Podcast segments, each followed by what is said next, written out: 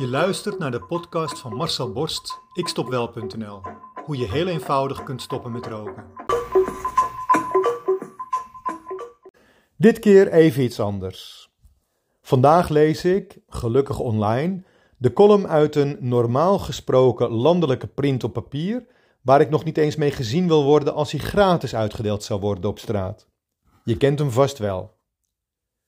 Maar de kop van deze column trekt wel mijn aandacht. Dit lees ik.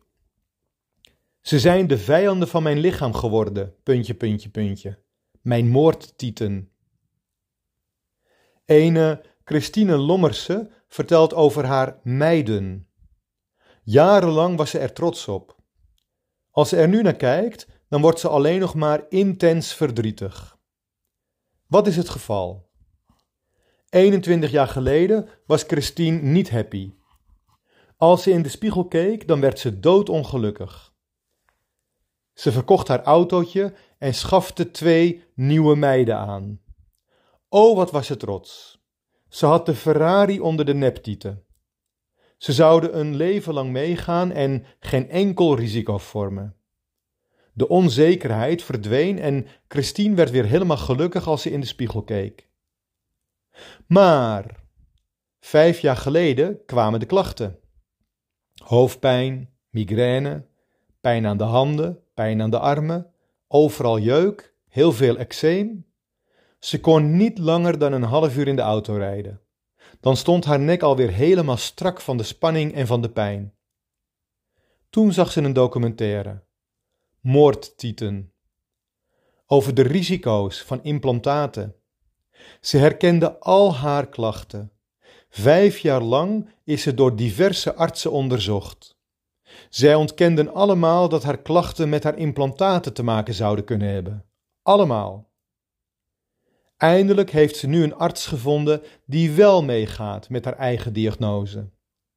Ze is nu in voorbereiding om afscheid te nemen van haar meiden. Ooit was ze er super blij mee. Maar als ze nu in de spiegel kijkt, dan ziet ze alleen nog maar twee sluipmoordenaars. Afgelopen week kreeg ze de bevestiging van haar vermoeden. De implantaten zitten volledig ingekapseld en zijn inderdaad gescheurd. Het is veilig, zeiden ze. Ze gaan je hele leven mee, zeiden ze. Geen negatieve consequenties, zeiden ze. Nu heeft ze besloten dat zij zelf belangrijker is dan die twee jonge, promptige meiden in een strak t-shirt. Ze heeft nu besloten dat het leven meer is dan uiterlijke schijn. Nu heeft ze voor zichzelf gekozen en hoopt ze dat alle klachten aankomend jaar zullen verdwijnen als sneeuw voor de zon. Denk jij ook nog steeds dat roken veilig is?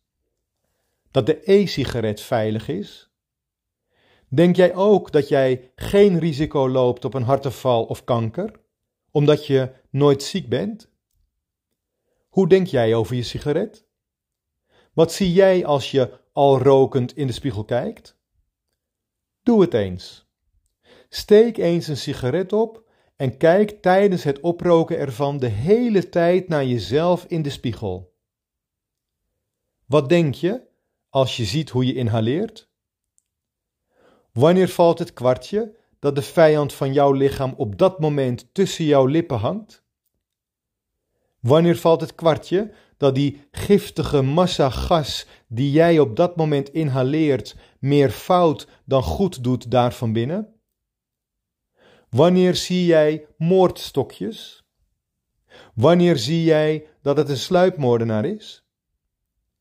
Denk nog eens goed na. Hoe stoer ziet het eruit als je jezelf volledig kapot rookt?